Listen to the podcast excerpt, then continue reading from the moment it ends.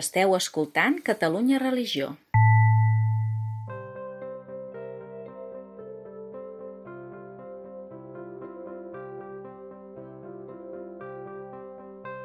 Benvinguts a la segona sessió del Club de Lectura en Fe de Llibres. Com sabeu, els que ja ens sentiu de, de setmanes i de mesos, és l'espai que Catalunya Religió dedica a parlar de llibres, aquests llibres que la redacció proposa i que en aquest últim curs doncs, els propis participants del Club de Lectura han pogut votar per poder començar. Doncs aquest cop, com dèiem, és l'espai per parlar d'un llibre. Aquesta vegada parlem del llibre Dones Valentes, de la periodista Txell Feixes Torres, un llibre que és editat per Ara Llibres i que, tot i que va sortir al gener del 2020 i va ser un dels llibres més venuts de Sant Jordi de l'any passat, 2020, nosaltres li hem donat eh, doncs, ressò al 2021 perquè creiem que és una lectura reposada, que està de plena actualitat i ara veurem en el diàleg si podem treure-li suc tot i que no sigui del 2021. Jo crec que sí. Doncs, com deia, és el club de lectura que fem una vegada al mes, el primer dimarts de cada mes, de manera online. Ens connectem des de casa, des de la feina, des del transport públic inclús, allà on ens agafa, des del mòbil, des de l'ordinador, i és el nostre espai perquè en menys d'una hora puguem comentar una mica doncs, què ens ha semblat. Així que començarem amb aquesta periodista, periodistassa, podríem dir, que porta cinc anys, ara acabat cinc anys de corresponsalia eh, per Catalunya Ràdio i per TV3 a l'Orient Mitjà, des de Beirut, i que ens ha explicat durant molt, molts anys cròniques de, de, de persones, de testimonis, històries, i que aquest llibre recull amb 13 testimonis de dones que tenen una veu i que ella fa d'altaveu, com ja veurem, i que ens parla d'una realitat de vegades silenciada, que no hem volgut eh, mirar massa des d'Occident, com ella diu, i que ara tenim l'oportunitat de parlar-ne. Començo amb la pregunta que faig sempre. Impressions d'aquest llibre? Un llibre dur, eh? Mm, no s'escatimen aquí problemes. Què ens ha semblat? Uh, és un llibre que me'l vaig llegir en plena, en plena pandèmia i em va, em va colpir molt. De tal manera que ho vam llegir bastanta gent, uh, sobretot la, la qualitat de la persona de la Txell, en la que explica unes realitats que ens són llunyanes però que ens les fa properes i que per la seva sensibilitat humana la veig una, una dona amb una capacitat de, de mirar i de transmetre una realitat doncs, que se'ns fa això, llunyana mm, i que, i que vivim doncs, passant moltes vegades de totes aquestes qüestions a motiu d'ara doncs, de, del club de lectura doncs, l'he fullejat i n'he llegit i m'he donat compte que llegint-lo per una segona vegada encara m'ha provocat més emotivament, encara m'hi he posat més en dintre. Mm? No voldria allargar-me per donar peu als altres. Ja... Doncs bé, com diu la Carme, els altres, els altres. A veure, quines impressions hem tingut? A mi m'ha resultat un llibre molt colpidor, difícil, difícil per la duresa de llegir-lo, eh? que no m'ha calgut uh, descobrir-ho amb aquest llibre, però jo que he tingut oportunitat de visitar el Líban, clar, te n'adones que el Líban que tu veus com a viatgera no té res a veure amb, amb bueno, en aquest cas és el Líban, però podem parlar de qualsevol altre país, oi? Els països que tu visites encara que sigui d'una forma no solament turística, sinó professional, com va ser el meu cas, que vaig tenir l'oportunitat d'anar a fer un viatge una mica d'estudis, no té res a veure. No té res a veure amb el que està passant realment arreu, en aquest cas concret al Líban, no? però m'ha resultat un llibre molt, com feia temps, no llegia un, un text tan, tan colpidor, francament. Mm no sé, l'he acabat perquè l'havia d'acabar, evidentment, però ganes de, de continuar llegint històries tenia ben poques, eh? pobretes dones. Mm -hmm. I a més, amb, amb, poca, amb poca expectativa de solució, perquè si diguessis, mira, és un tràngol que estan passant i dintre de quatre dies eh, tornant a la, a la normalitat, però mm -hmm. això no té, com diuen en castellà, visos de solucionar-se. Eh? Per molt que la manifestació de l'últim capítol fos un èxit. Una mica esperançada, no? Sí. Sí, però és igual perquè nosaltres mateixos, a un país com el nostre, hem pogut copsar que, que la llei no significa que la gent faci seves la lletra de la llei, sinó que sí, sí, la llei permet i t'obliga a respectar tothom. Però internament eh, moltes vegades no, no entenem, no respectem i no ens posem a la pell de l'altre. No? Això és el que a mi m'ha significat. Ara dintre un moment em connectaré pel telèfon, ja que estic entrant a casa meva. Cap problema. Gràcies. Doncs, com dèiem, com dèiem, són 13 testimonis que la Txell fa per capítols. Eh?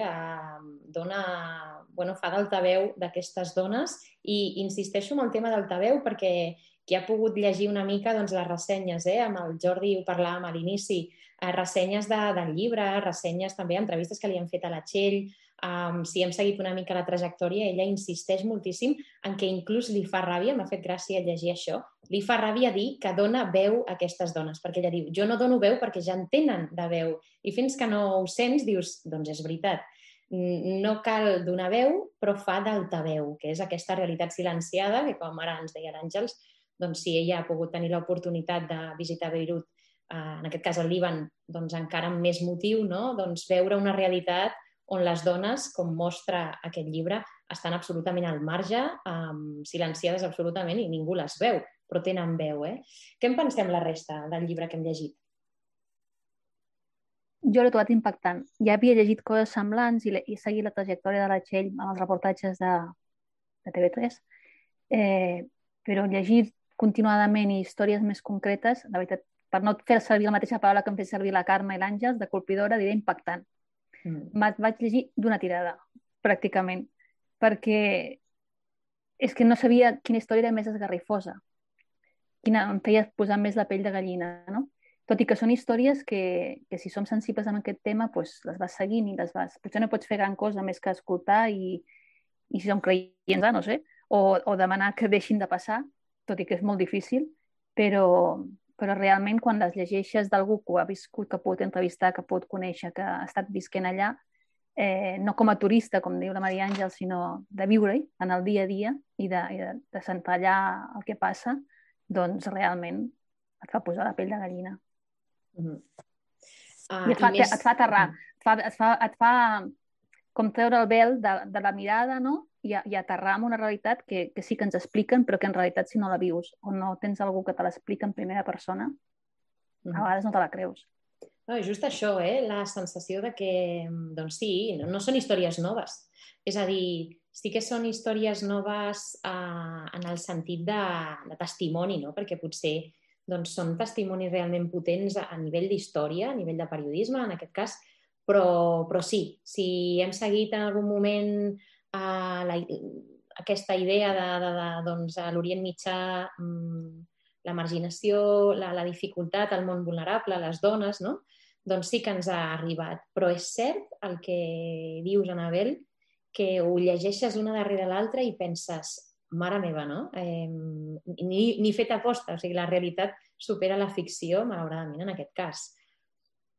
El primer és agrair a la Txell el fet de mostrar-nos això, que efectivament en molts moments ja ho coneixíem.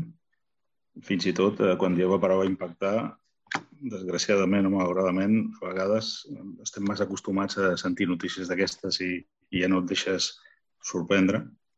I després eh, també donar les gràcies perquè aquí hi ha una feinada a fer a través de la dona eh, brutal tant allà com aquí.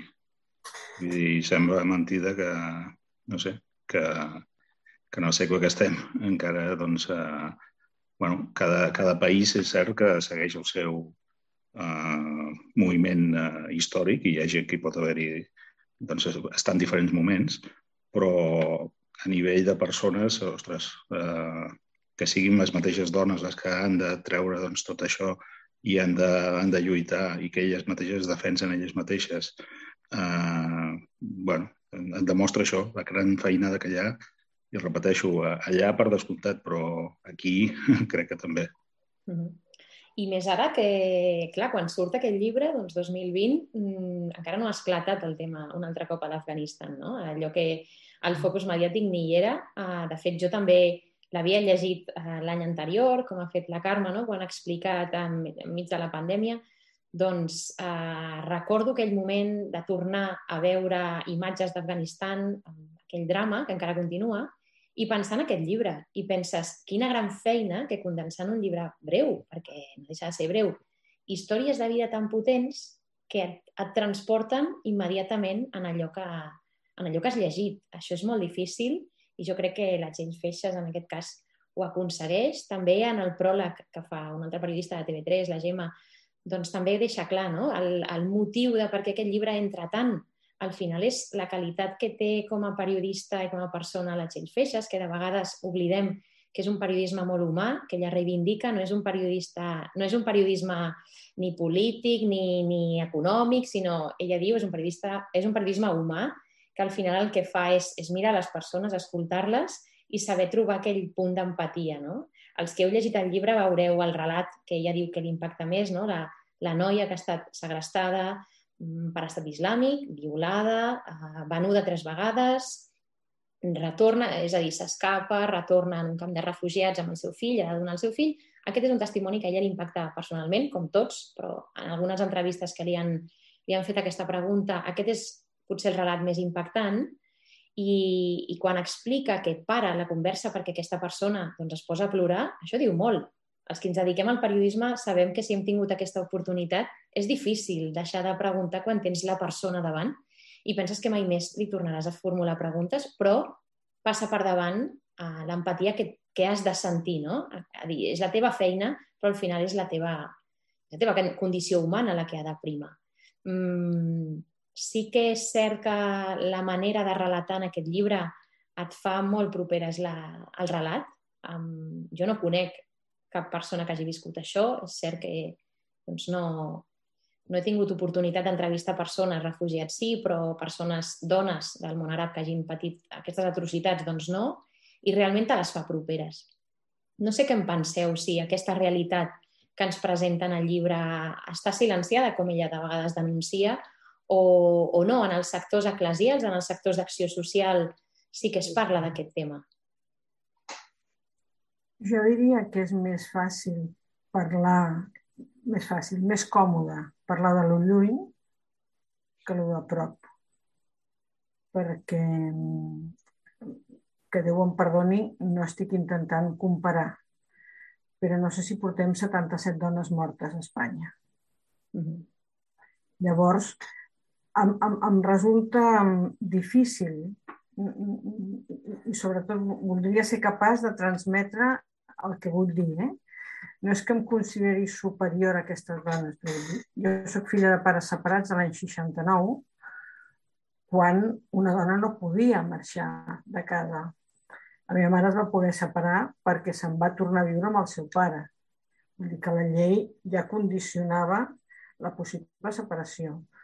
Però, hores d'ara, per això abans he fet referència a la llei, perquè de vegades la llei que permet fer tantes coses sembla que com si no la tinguéssim interioritzada. Llavors a mi em, em dol molt pensar en aquestes dones que no són capaces de sortir d'aquest entorn. Insisteixo a dir que no, no vull comparar-ho, eh? però si em, si em permeteu la barbaritat, l'afganesa no, té, no té una altra opció. Mm.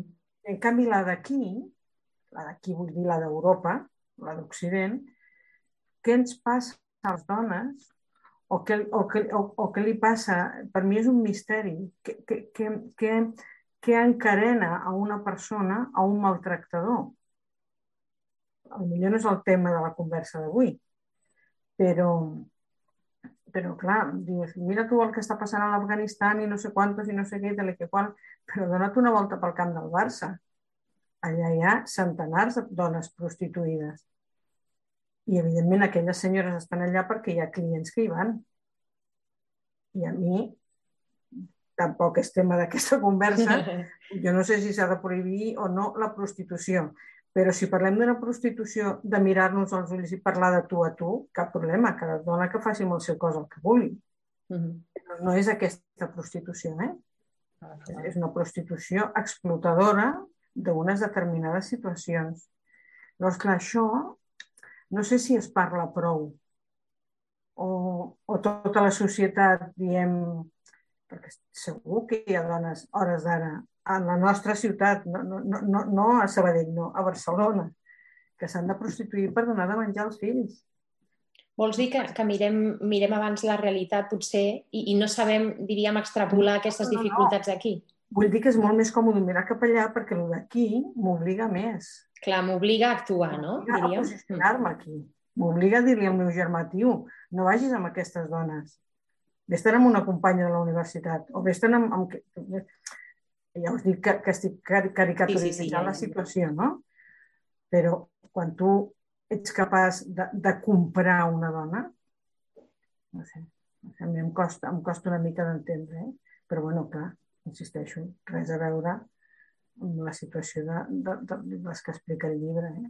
Mm. Tot i així, encara que pintem el llibre, evidentment, són atrocitats, però també hi ha espai, eh, és curiós, Uh, per això es diu dones valentes, eh? És a dir, hi ha aquest punt de, de sortir d'aquesta absoluta dificultat, que si això, ara presentava, si és difícil entendre el misteri no? d'una dona maltractada que continua aguantant l'inaguantable, el seu marit maltractador en aquest cas, doncs eh, com deu ser de difícil quan ho tens tot en contra, no? com deia l'Àngels, quan la llei mateixa doncs, no et té en compte que és el que passa i, i relata bastant bé aquest llibre. Però també hi ha espais de, de revolta, perquè aquests testimonis al final és, el que mostren són tot això estava condicionat per fer això, m'ha passat això, però ara actuo i faig allò altre. No?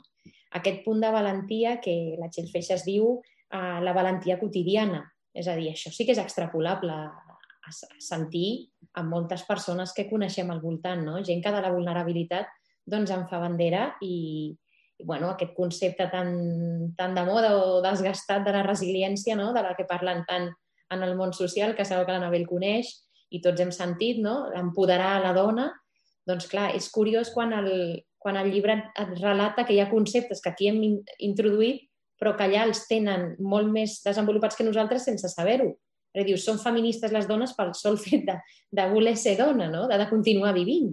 No perquè facis un activisme concret i diguis jo sóc feminista, no, no, no, perquè allà no hi ha una altra opció.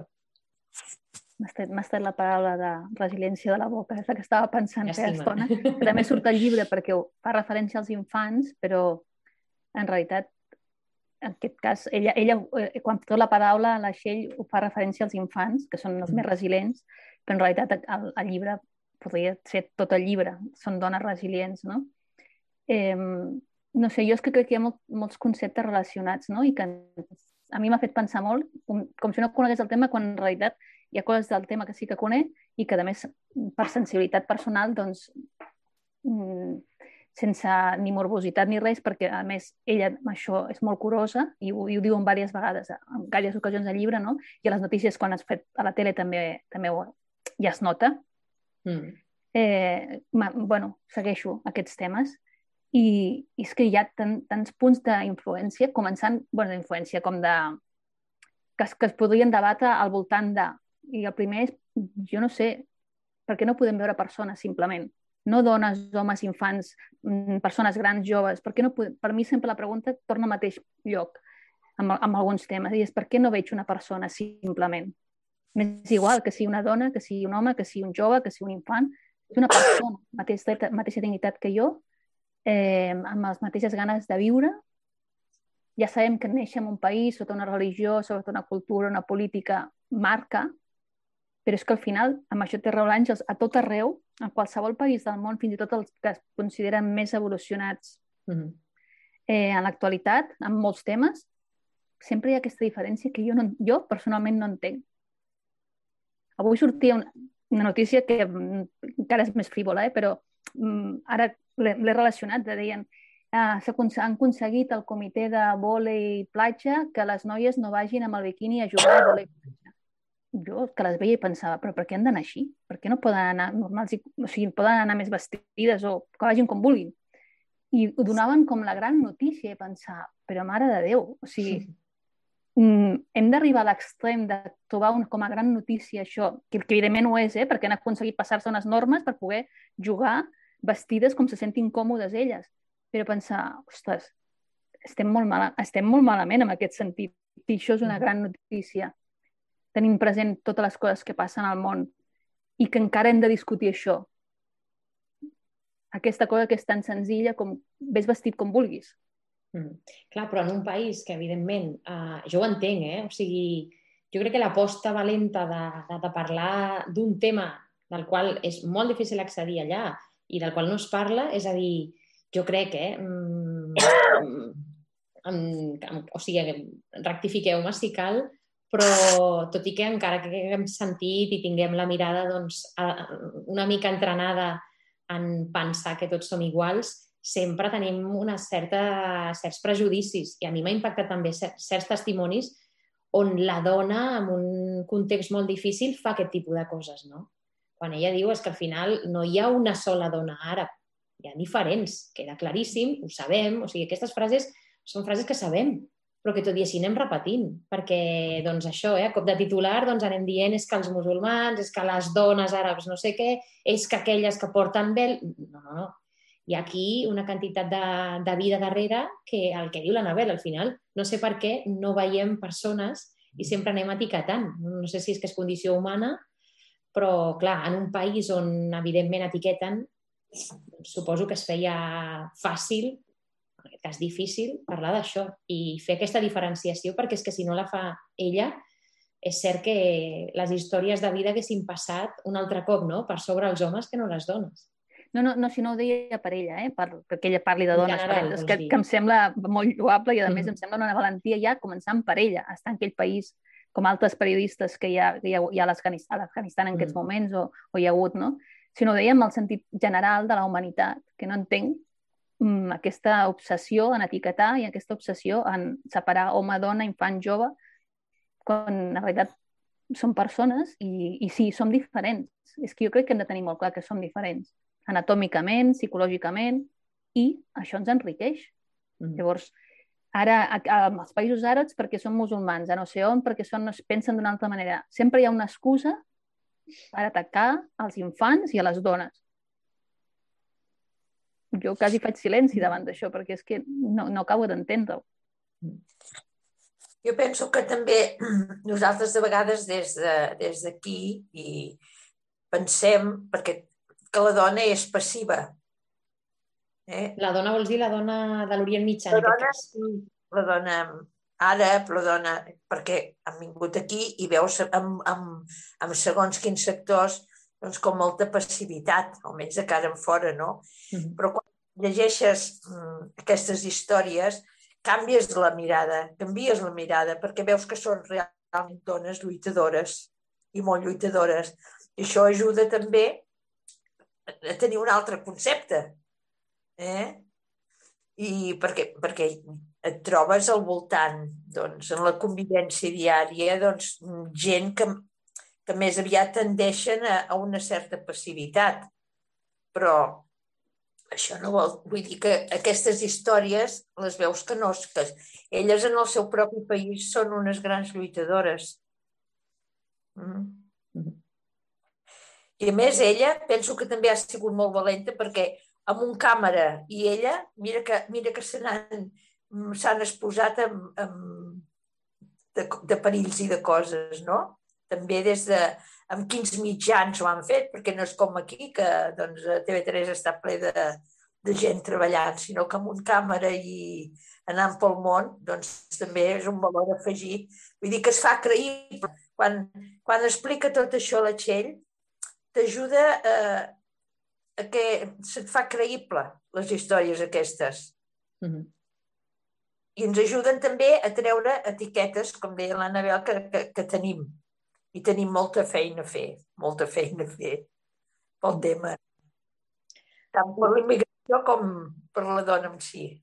Ara la Carme deia, no?, aquelles uh, dones que provenen del món àrab, del Orient Mitjà, doncs del Líban potser veiem aquí eh, aquell punt en què pensem això, eh? eh dones submises, dones balades, que ja també ho diu, a dones sense estudis, sense formació, evidentment no és cert, hi haurà com tothom, no? igual que aquí, doncs també hi ha gent sense formació, gent més passiva, gent que no té iniciativa, però no sé si us dona la sensació, jo m'imaginava com un grup de dones, 13 testimonis, no? allà tots junts, inclús la nena que ven aigua i cuida els seus germans, i deia, aquesta gent sí que arreglava el món, eh? totes juntes, perquè dic, si en diferents punts de, de l'Orient Mitjà són capaces de fer això, que no faran eh, com a col·lectiu, no? I jo crec que aquest punt ho té molt el llibre, el fet de dir mmm, la col·lectivitat de vegades no cal fer una xarxa ni fer un projecte, és a dir, tenir la, la sensació un mateix de que pots canviar les coses. Però bueno, les, les coses canvien amb, amb, amb la persistència i la resistència. Vull dir, això a llarg pla segur que aquestes accions, vull dir, fan un canvi de, de, de la societat. Però hem de creure en, en coses petites eh, que podem, de vegades això mm, no hi tens la mirada ben fixada i, i ho passes per alt, però a vegades són la, la persistència i la resistència d'aquestes vides en coses petites el que fa que generacions puguin canviar. Jo crec que mm, si fem una mirada des d'un món a l'altre món, no és el mateix que està a dintre de cada un dels dos mons. Ara que, abusant per al·lusions, de, parlant de l'edat, ara se'ns fa estrany, Carme, tu que tens la meva edat més o menys, se'ns fa estrany recordar que no podíem obrir una llibreta d'estalvis sense demanar permís al marit, que no podíem tenir passaport. I, i os juro por Dios que no soy una feminista al uso, eh? però, però no, no, però que és real, sí, sí, sí. Patit aquestes, aquestes... Bueno, aquesta, però el, que pretenia dir és que ens semblaven normals. I aquest jo crec que és moltes vegades inclús, i ara no, no ho podré posar en, en peus, però, però recordo haver llegit un article sobre dues dones al metro de París, una musulmana i una occidental. I cadascuna anava pensant en pena per l'altra, perquè una pensava, mira aquesta amb el vel, que ximpum, no? i la musulmana pensava, mira aquesta pobra que s'ha d'aixecar i s'ha d'arreglar i no sé quantos i no sé què, vull dir, perquè quan, quan tu estàs en un entorn determinat, clar, insisteixo, tu des d'aquí veiem molt bé a Toro Passado qualsevol circumstància, sinó que els hi expliquin els del Barça la quantitat de, de solucions que li donen després de que s'ha acabat el partit. Però quan tu estàs en aquell entorn, clar, mm. és difícil saber que hi ha un altre món possible si no te'l venen a explicar. Mm. I clar, quan tu estàs en una societat, en la, pensem en una dona maltractada aquí, per exemple, quan tu pots tenir la possibilitat de que algú a la feina, a l'escala, un familiar et digui, escolta'm, que hi ha un número que es diu 116 i que hi ha una sèrie de mesures eh, que et poden donar suport i que hi ha una residència per protegir dones. Tot això molt bé. Però quan tu estàs allà i saps que vales el que val un jarrón de su casa i quan saps que per sobre teu està l'honor familiar, doncs si aquí sabem que hi ha un percentatge tan elevat de criatures abusades al si de les seves famílies, aquí... Clar, que no passarà allà. Que no passa allí, que a sobre t'has de casar amb el, amb el que se t'ha berenat, Sí, sí, sí, sí. És que, mm, mm, bueno, això és com, pues eso, com intentar dir si los, los españoles Latinoamérica en Amèrica o no. Pues mire, no ho sé. Era el segle XV i jo no ho puc valorar des d'aquí. O potser sí, hi haurà algú que tingui més elements de judici que jo. Però clar, és molt difícil, um, suposo, que, que, que vulguin sortir d'una situació quan no saben què hi ha a l'altra banda de la paret. Perquè, clar, ara quan diuen una mujer un voto, estupendo. La, la lliberació de la dona no va venir per la pastilla, la lliberació de la dona ha vingut sempre pel sou a final de mes. I si tu no tens un mitjà de, de, econòmic que et mantingui, ja, ja poden explicar-te sopars de duro. I aquestes dones no tenen possibilitat, perquè és que, a més a més, és que no... no... I a l'Afganistan, és que no has vist alguna fotografia, però tu surts a casa teva i on vas? És que no, jo no sabria ni per on començar. Mm. Jo crec que és difícil, és molt difícil. Uh, a mi m'ha sobtat un, una sola frase de, del, primer, del primer relat quan explica no? que a la seva amiga que és ginecòloga de Metges Sense Fronteres doncs, li explica tot el relat d'una mare que demana que si és nena i tindrà una nena, doncs que no la salvi. Clar, això impacta una mica, però hi ha un moment quan explica i detalla com és no? la, la persona que treballa des de fa anys allà. I diu, ah, el dia a dia en un país on, en conflicte ha fet normalitzar situacions excepcionals, això que deia l'Àngels. No? Al final, bueno, ens pot sobtar, però aquella gent doncs, ja ha conviscut amb això. Uh, però ni les realitats més punyents han pogut anestesiar la sensibilitat, la fortalesa i el somriure d'aquesta, en aquest cas d'aquesta ginecòloga, no? Doncs la, la necessitat imperiosa d'estar-se preguntant constantment si això és normal. Um, crec que no tothom ho fa ni, ni tampoc hem normalitzat molts conceptes a la vida, no? allò que ens diuen a les nenes a eh, les pel·lícules de Disney, doncs també el fet d'estar preguntant, però això requereix educació, requereix un pensament crític, requereixen moltes coses que penses aquesta gent com se n'han sortit si allà no n'han tingut d'això. Doncs és realment un altre misteri, diríem de la religió, però déu nhi és, és un misteri per mi encara més, més important. És un tema, jo crec que és un tema de supervivència eh, que tots els humans portem a dins al final, d'alguna manera, i que per, per sort amb algunes persones els hi, els hi flueix cap en fora en, el, en els moments més desesperats, no? i això és el que fa, en el fons, avançar la humanitat cap, cap a bé, encara que anem lentament com els cargols o com li vulguem dir. Jo volia... A mi aquest estiu em va impactar molt l'Afganistan, perquè vaig pensar, no me'l puc creure, i ja tornem a ser, amb I aquelles imatges ser, sí. i, i la història que hem viscut altres vegades, i em vaig recordar de, bueno, que ha sortit molt a la tele el tema últimament, de la Nadia Gulam, que és mm. aquesta noia afganesa de les primeres que van arribar a Espanya, crec, o les úniques que van arribar en el seu moment, que durant molts anys, per mantenir la seva família, va haver de treballar com a noi, vestida de noi. Sí, es no? va fer passar pel seu germà durant 10 anys. Exacte, es va fer és passar fortíssim. durant 10 anys pel seu... I ella ho explica, jo l'he escoltada amb, amb, quan ho explica, i he llegit els, el, algun dels seus llibres, i, i la veritat és que és no sé, o sigui, és que ja no, ja no tinc ni paraules, no? Perquè pensa, i ella tampoc no havia vist més, però aquesta for fortalesa que tenim els humans en un moment determinat per sobreviure, doncs fa que ella, de, de la desesperació i de lo malament que estava ella i la seva família, es disfressi de, de, de, de, del seu, com el seu germà de noi, perquè no deixen treballar les noies durant 10 anys fins que algú la rescata, definitivament. Buf, és que només puc dir això. I una cosa que m'ha impactat del llibre també, ara tornant al llibre de la Txell, el capítol de les germanes kamikazes, eh, que també és brutal, sí. i en un moment determinat elles mm, valoren, o, bueno, valoren, parlen dels, dels, dels nens soldats, no? que és un altre tema també en ciernes. I, i els hi diuen, és que clar, evidentment ells han, han mort aquesta persona, han ferit aquesta dona, eh, però en tenen real, realment la culpa? No, o sigui, clar que ho han fet i clar que això se'ls hauria de jutjar per això, però quina és la seva història anterior com per arribar a fer això? Qui els ha obligat o qui no els ha obligat o qui han viscut o qui no han viscut?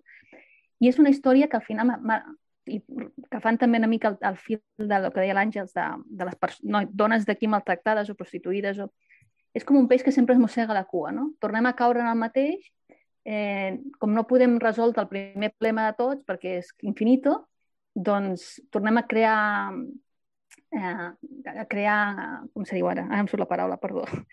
Eh, rancúnies, d'alguna manera, contra algú, contra la meva situació personal anterior que fa que projecti no sé què més i, i sembla com si fos un cercle infinit que no s'acabarà mai per sort, mm, hi ha dones valentes o hi ha nens valents o persones valentes, per dir-ho així en genèric, que, que tiren endavant i que per sobre de lo inhumà són capaços de, de sortir-se'n però, i d'estirar els altres a sortir-se'n, no? i a donar veu, i a donar paraula, i a donar testimoni.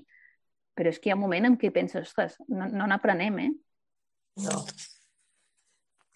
A mi també em va colpir el, el, el del, de la franja de Gaza també, mm -hmm. déu nhi Vull dir, també és un capítol doncs, que és, és ho, ho sabem i es diu, però fa pensar no? que és un, ter un territori petit, però oprimit totalment.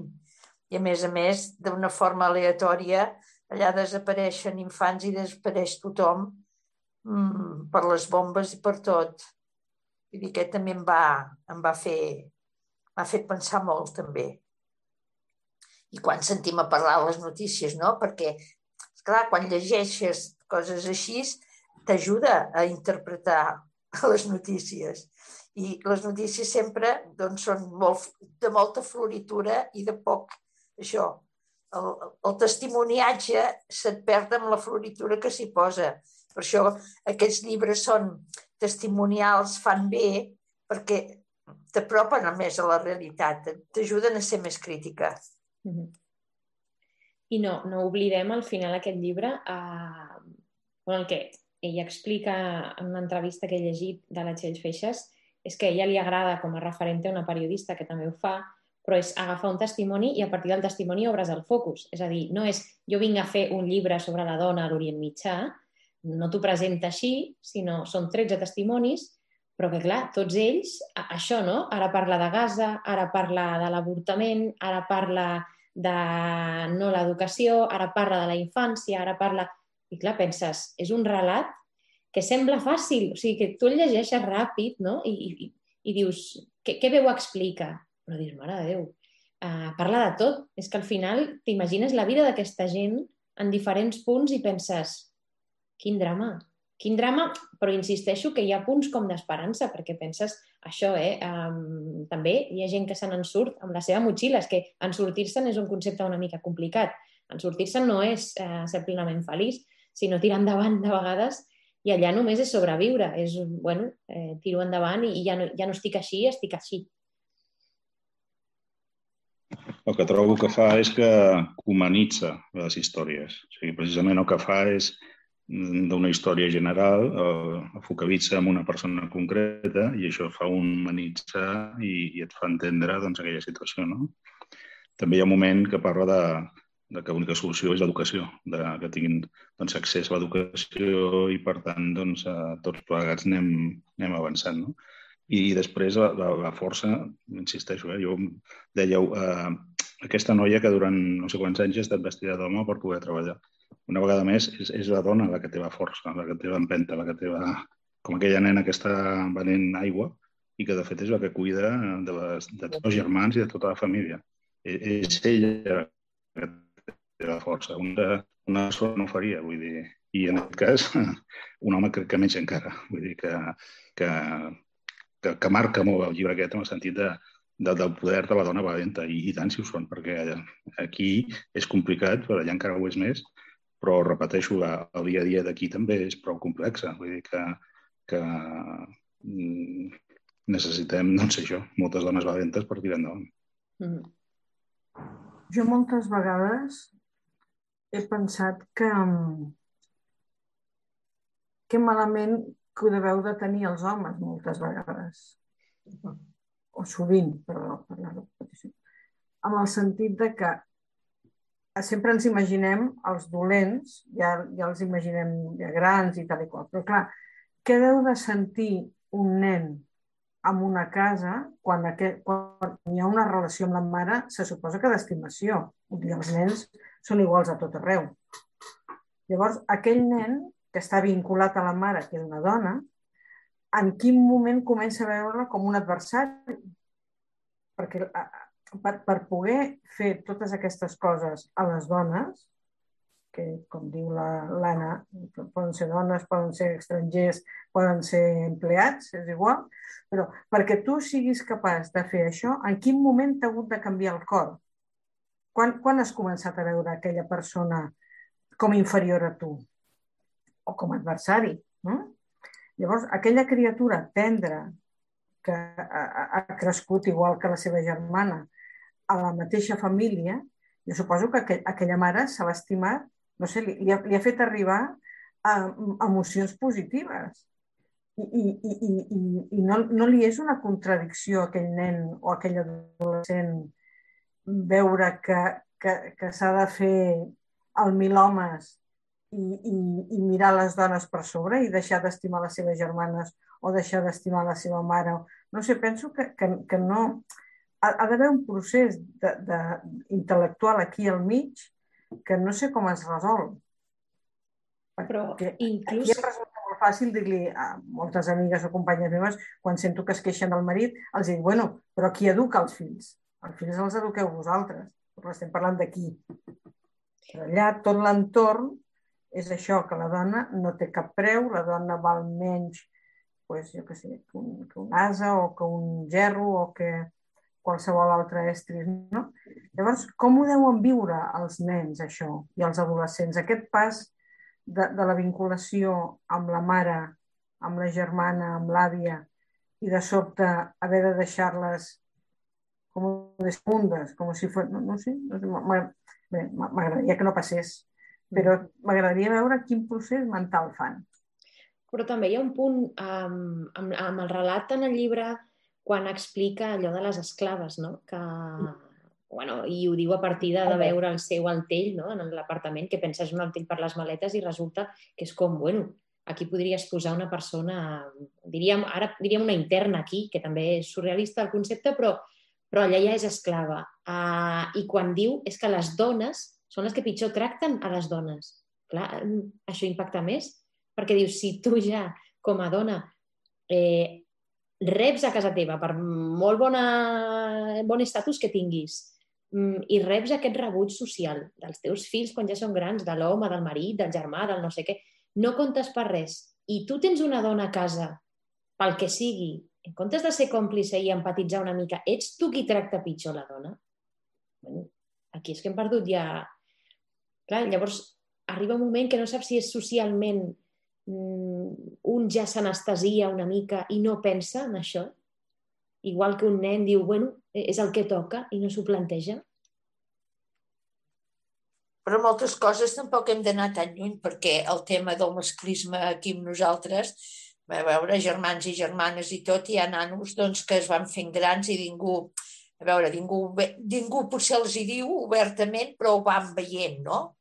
Que tenen un domini sobre, sobre el que és la, do, la dona, la germana, la mare.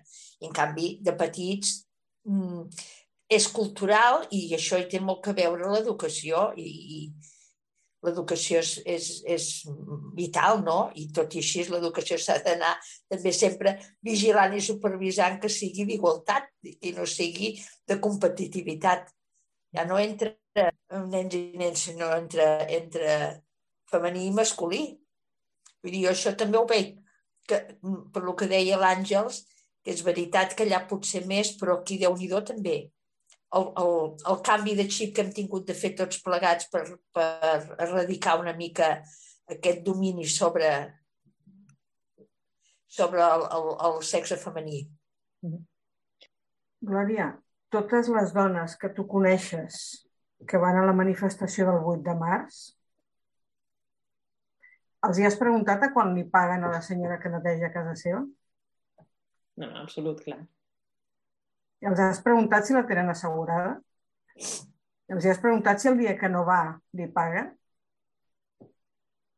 Estem parlant de Barcelona o Madrid. Clar, tu deies allò del principi, és més fàcil fixar-nos ah, en allà, exactament. És fàcil parlar de lo mal que són els musulmanes, que fira mm. com lo d'això, que dir, i jo què estic fent a casa meva, no? Mm. Això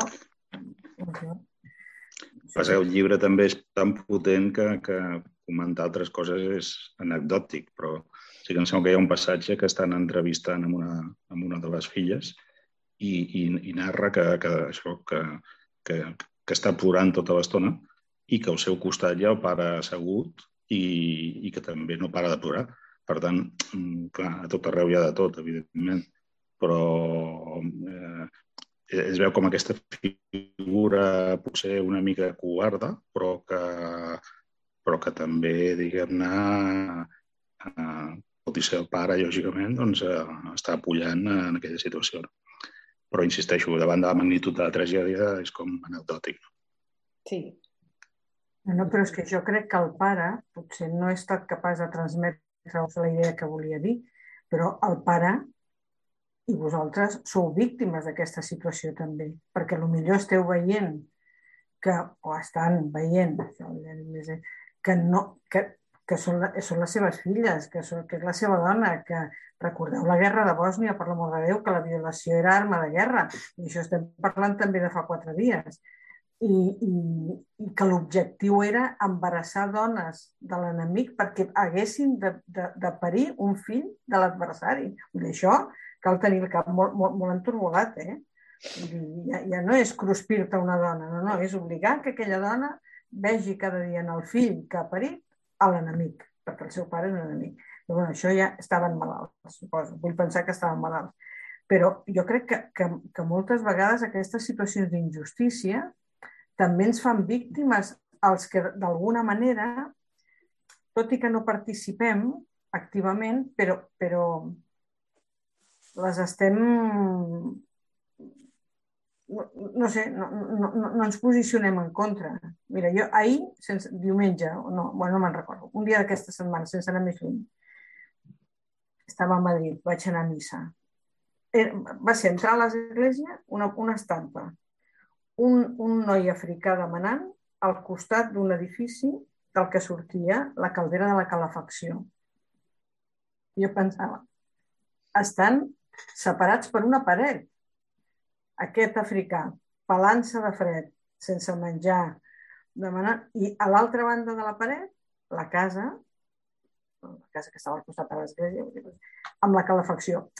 Com tu has dit abans, a lo millor és una anècdota, però és que és un fet. Sabem on dormen tots els que estan recollint, recollint ferralla por ahí? A la meva escala no. Això està passant aquí. I nosaltres, bueno, no, no som directament responsables, però tampoc sortim a manifestar-nos en contra d'aquesta situació. I d'aquesta i de l'altra i de l'altra, no? Vull dir que ha de ser el paper d'aquest pare que a part de, de patir per la seva filla, suposo que també pateix per l'honor familiar i el que els hi ha passat i tot això, no deu ser gens fàcil, eh? No deu ser gens fàcil. Bueno, deixarem amb, amb, amb aquests conceptes, com heu vist, eh, ja portem quasi una hora i, i dic, el llibre dona per molt i més, jo crec que parlaríem, Queda clar que de dones valentes n'hi ha a tot arreu, que n'haurien d'haver-hi més. Eh, D'aquesta valentia quotidiana que parla la Txell Feixes, mm, jo crec que queda clar també que és un, és un molt bon llibre perquè parla de moltes coses, no només parla de dones, ni tampoc parla del món àrab, sinó que, evidentment, com hem vist, doncs es pot extrapolar en el dia a dia nostre i bueno, ens posa deures, eh?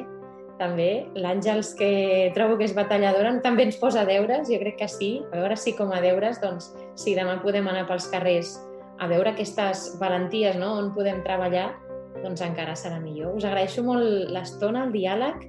A qui no se l'hagi llegit, doncs trobeu-lo, busqueu-lo, llegiu-lo.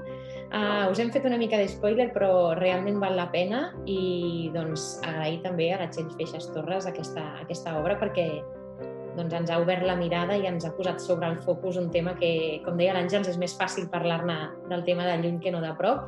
Així que gràcies a tots i que vagi bé. Ens retrobem al desembre. Sí, Déu. Molt bé. Bona tarda. Gràcies a vosaltres. Catalunya Religió.